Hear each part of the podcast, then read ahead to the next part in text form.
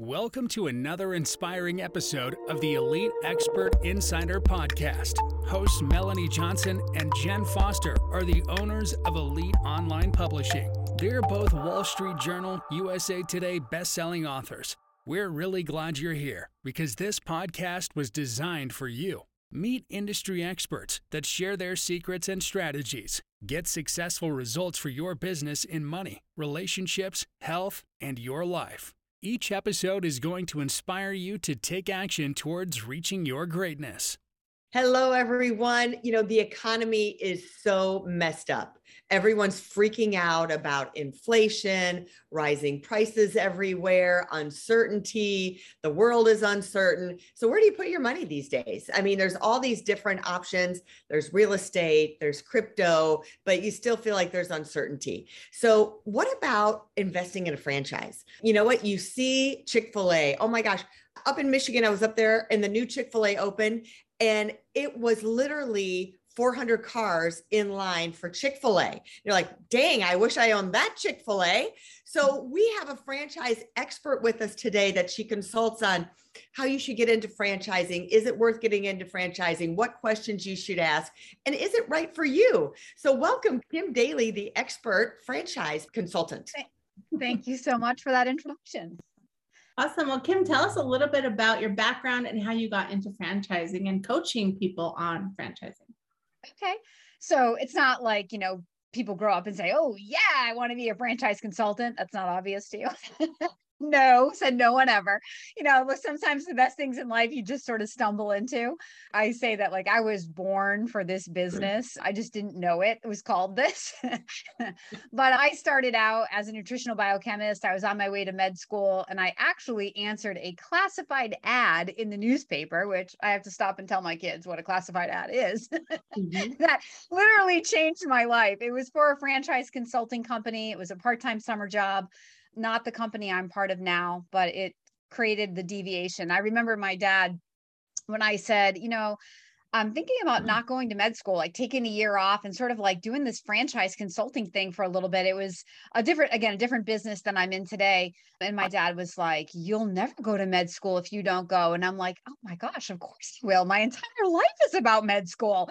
You know, why are our parents always right? So I just found my place in the world. This industry is about people helping people. Every day, people get up and they're living their dreams. It's just inspiring, it's motivating I loved it. I fell in love with it over 20 years ago, and it's taken different twists and turns. And I landed as a franchise consultant. And today I'm one of America's top franchise consultants, which means I just get to help a lot of people change their life. All right, I'm going to start out with the elephant in the room.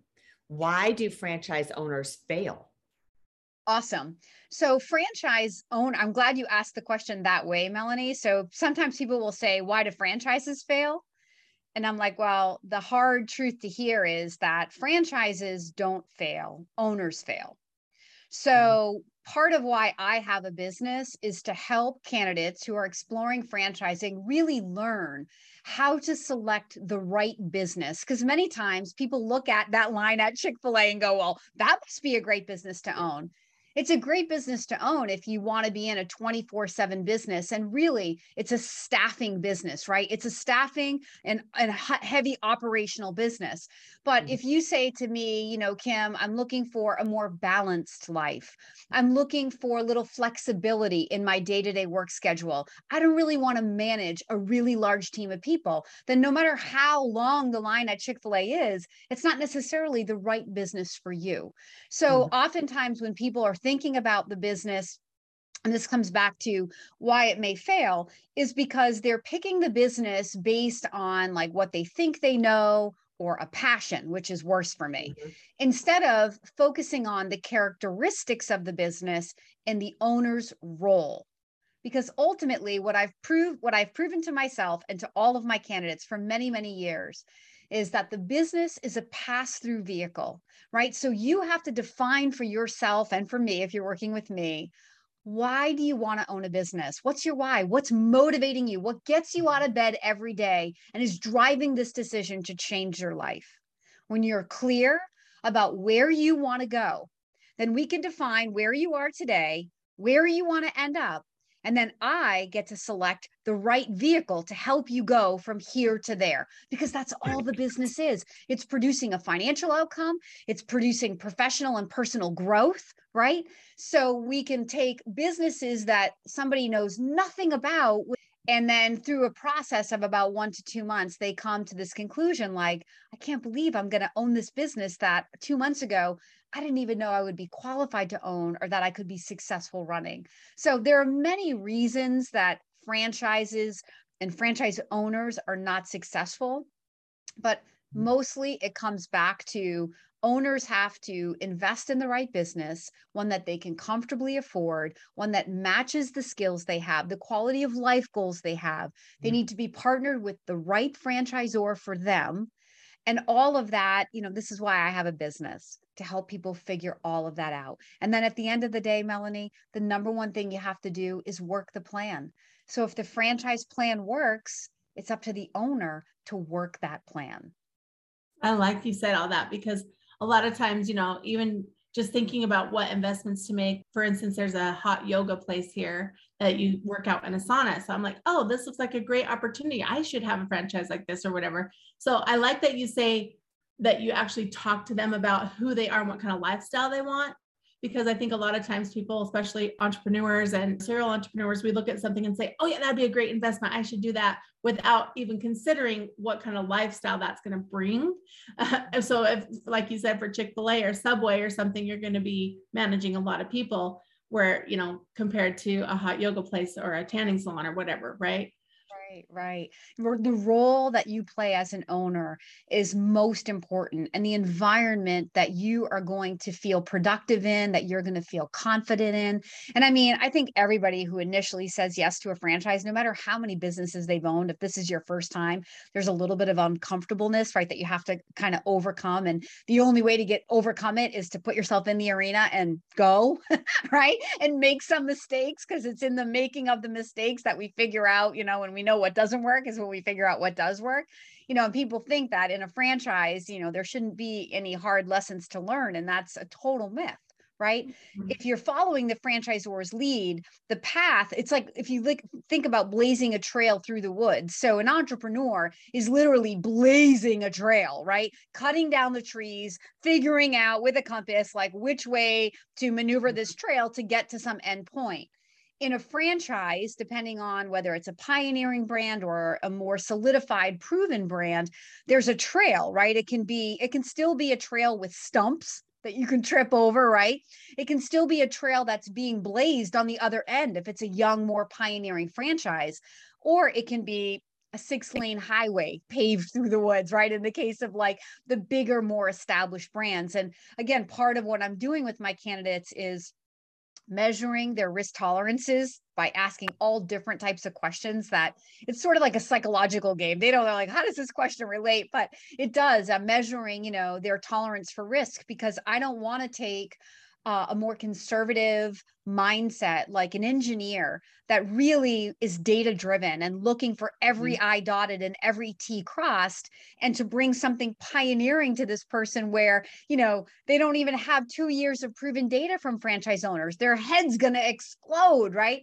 And if you're out there as a candidate doing this on your own, you may not know even to think about that until you're in the investigation. And then you're like, oh, I looked at franchises and it didn't work for me and mm-hmm. you may never conscientiously make the connection to it didn't work because you were looking at the wrong type of business for your risk tolerance. So all of those things that people are trying to figure out on their own you know franchising is all about in business for yourself but not by yourself. And when you work with a franchise consultant it starts even in the investigation where you don't have to make it up on your own. You can let me take your hand and i'll guide you down this path and i will help you figure know all of the things you should be thinking about and know before you say yes. Yeah. Well, you talk right. about risk and you talk about, you know, with the pandemic and the economy, like how safe is it to have a franchise? Like, I think a I lot of people are, are a little scared. So tell us a little yeah, bit. Yeah, I love it. So earlier this week on my YouTube channel on kimdaly.tv, I've interviewed um, a couple of people in different industries. One that's in real estate, does passive real estate investments, and another actually was a franchisor.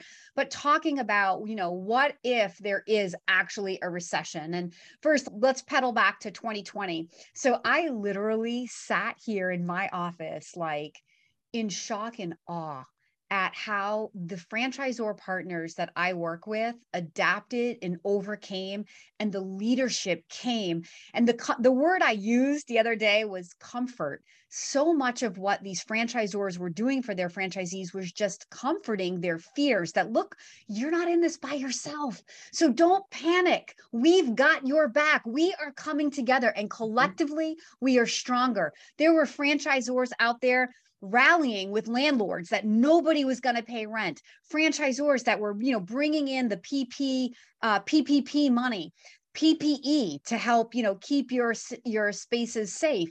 So it, that's like the most beautiful part of franchising. It, it, it all it, that's no matter what's happening it's about being in business for yourself but not by yourself. But let me tell you in the pandemic that proved to be the saving grace. I will say this I have not one franchisor partner, and there are hundreds of franchises that I'm affiliated with that went out of business or that closed its doors in 2020 and could not reopen. Now, that doesn't mean that individual franchisees did not close, but mm-hmm. where the parent organization was not leading the charge to help people. But again, people still have to help themselves right? The franchisor can only, like a parent, you can only guide and corral and encourage and inspire as much as you can. But it's then it's up to the business owner to find that courage and to continue to move forward. And I think that regarding a recession, you know, there's never a great time to start a business, right? If you decide that you're sick of your W 2 job or you're looking for diversification in your portfolio and you want to add a business, because businesses, when you look at the really wealthy people in the world, they own businesses but you don't have the heart to go start one from scratch or the time, right? This is where franchising wins, right? It's buying down all of that and getting you right to the point where you can make money, right? From day one. So if that is if, if that is where you are in your life, look, if you start in a recession, you start at potentially the hardest time, but so what? You get the muscle that you need. And when the recession is over, as things start to get better, ah, your life is easier. And you never have to worry about what if a recession happens again? You already lived through it, right? Yes, you should be more financially capitalized, right? Yes, you should be talking to the franchisor before you say yes about how, what if, and how are we going to be prepared? But mm-hmm. I don't think it's the time to like shrink back. And like a franchisor I interviewed yesterday said, you know what, Kim? Sometimes in a recession, what happens is it's survival of the fittest. Mm-hmm. And you may come in owning one location, and at the end of that recession, you may be able to buy three or four or five more locations at a fire sale from the people who couldn't figure out how to keep their doors open, or even private businesses for sale. So mm-hmm it all comes back to being partnered with really strong leadership that has a vision for the future, has the financial capability, and then making sure that you, as the investor, are fit, financially fit, and mentally say, I may not know what I need to know right now, but I'm partnered with people. And I believe that with their mentorship, I can figure this out. So, what do you think about new franchises taking that shot on something new, a new concept, new idea. A former employee of mine owned started Which Wich. So when it started, he had to get people involved and to join it. It's been hugely successful. But how do you know to jump on board with somebody new or something tried and true? Love it. So again, it comes back to one's risk tolerance. So I'll say this to the viewers: um, after you know being a franchise consultant for 20 years and watching, you know how things can go, um, I don't really work here at FranChoice. So I'm actually like a franchisee of a company called FranChoice. So I live the life of a franchisee. I'm trained by a corporate office and I pay royalties like franchisees do.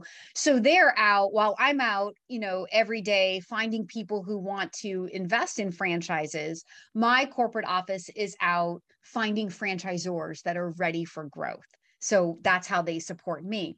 So, mm-hmm. but what we've learned over 20 plus years of being in franchise consulting and one of the leading consulting companies is that, you know, those startup franchises that are backed by, you know, a husband and wife or somebody, an entrepreneur who had a dream and scaled it to multiple units and turned it into a franchise and is ready to grow that really is nothing no offense to your friend because it sounds like he was successful but that really is nothing more than a startup statistic in the making right? Which is a 90% chance of failure before their fifth year. The the stabilizing point in a franchise system is about 100 units. So the franchises that we work with even in the the pioneering stage will always be backed by a leadership team that has brought other franchise brands to market.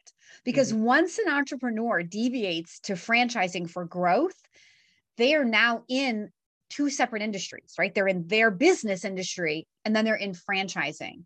And mm-hmm. there is um, an experience that needs to be there to know how to adequately build the infrastructure of the franchise corporate engine, if you will, alongside scaling franchisees. If you're just selling, selling, selling franchises, but you then you you you outpace the, the growth of your corporate support staff, the whole thing can implode. And that takes a lot of money. That's the other thing, right? Mm-hmm. Building a franchise um, takes a lot of money. And so my corporate office has taught me through the years what really works and, and has shied us away from what doesn't work. And what really works again is franchisors that have track record of success. So even if this is a new pioneering brand, they have other brands that they've brought to market successfully where we can look at and go, well, it's reasonable to assume if they brought Mosquito Joe and then they brought Pool Scouts and then they brought you know uh, um, a, a, a, residential cleaning company to market and look at all the success over there that now when they bring this new power washing thing that this one will go the same way the others did. Does that make sense? Yep yeah. Yeah that makes sense. Oh, really good. Let's talk about money for a minute. So if i was an investor and i want to start a franchise do i need to bring a ton of money to the game? Do i get an sba loan? Like what do people do if you're brand new and you have never thought about a franchise and then you're like i want to start one I want to get consulted on what the best one is for me. How do I pay for that? Or what is the typical way that people come and buy a franchise? I love that question, Jen, because I think a lot of people lim- have a limiting belief that, oh, it must cost a million dollars to open a franchise business, right? Um, or that myth that franchises are more expensive than starting a business from scratch. I love that one. I have so many videos on Kim Daly TV about that myth, right? Just connecting the failure rate of entrepreneurship, which is connected to um, running out of money to franchising not being more expensive, but that's what it actually costs to build a business, right? So anyway, I get off on my tangents, but um, one of the very first conversations I have with my candidates is a very real conversation about what your money buys. So before I ever bring concepts to somebody, I educate people because a long time ago I figured out the number one reason people don't move forward when they start my process is over money. So I'm like, mm-hmm. okay, so if I can help those people who can't afford it or don't want to afford it know what it's going to cost so they fall out in 30 minutes versus six weeks that saves us all a bunch of time so so i've created a way to like help everybody understand in like 10 minutes exactly what your money buys so now when you when a candidate says to me okay well based on the facts I'm comfortable investing X, right? And my net worth is this. Then when I'm bringing concepts to them, we know that it won't, they're not going to say no over money. But to further uh, the, the the second point of the question you're asking is, is it all cash? Absolutely not, right? The government loves small business. The government always supports small business owners because small business is a sign of life in communities, right? They create jobs, they create taxpayers and businesses that are taxpayers, right? So the government is always creating piles of money to, to give to banks to incentivize lending. And that's what the SBA loan is it's a government backed lending program. So um, the SBA money is out there. People use home equity lines of credit, especially right now if the equity mm-hmm. in your mm-hmm. house has gone way up. That could be the fastest, cheapest way. Um, typically, Jen, you're looking at like a 20 or 30% cash injection if you are looking for a loan. So if it's a $300,000 investment, the bank may require you to come to the table with the first 100, which might be the franchise fee of like 50,000 and a little bit of working capital and they come in and write that, you know, construction loan and the working capital on the back. But the, the, to really answer the question you're asking me, I, I tell every single person that I speak to if you are interested in franchising, do not eliminate yourself on money until you speak with me because I invest time with every single person. Even if they fill out my financial form and say, I have $30,000, Kim, or $10,000, and there's not too much I can do to help them, I'm still going to invest the 30 minutes with you to educate you about why, what franchises cost, because what if that person goes out, invests in Bitcoin, turns the money they have into enough money? They know when to call me back.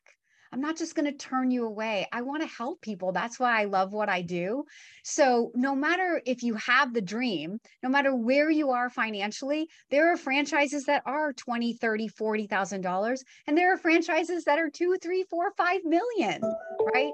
So, how do you know what you can afford? You work with someone like myself who can teach you and then guide you to those opportunities. And then also guide you to the financial resources because all the lenders, I mean, they're my friends. Look, they they want my candidates, right? Because my candidates are, are people that are going to invest in a franchise and they want to help fund those. So I have the most amazing friends in franchise lending, and all they do is find money for people who want to start franchise businesses.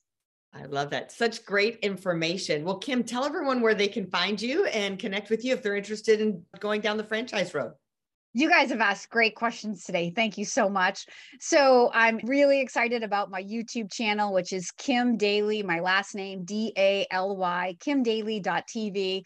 We have over 300 videos on all things franchising, business ownership, investing, mindset coaching to inspire and educate and share a little bit of what I know with anybody who's willing to watch me on TV. awesome. I love it. We'll put that link up in the show notes as well as up on the video on YouTube. And people can go to kimdaly.tv. Thank you so much, Kim, for being on the show. Thanks for listening today. Remember, if you want to become an author, we guarantee you'll be a number one bestseller when you work with Elite Online Publishing. We have a VIP day that helps you get all your content within six hours. We have a 30 year book written right away. So contact us anytime and hit that submission button. We'll talk to you soon. Bye-bye. Bye. Hey, are you looking to increase your revenue, build credibility, and elevate your brand? This podcast is brought to you by Elite Online Publishing an innovative publishing and full spectrum marketing company. They will publish and market your book to make it a number one bestseller. Becoming an author is the best way to market your business. So contact them at eliteonlinepublishing.com today. All of their authors become number one bestsellers.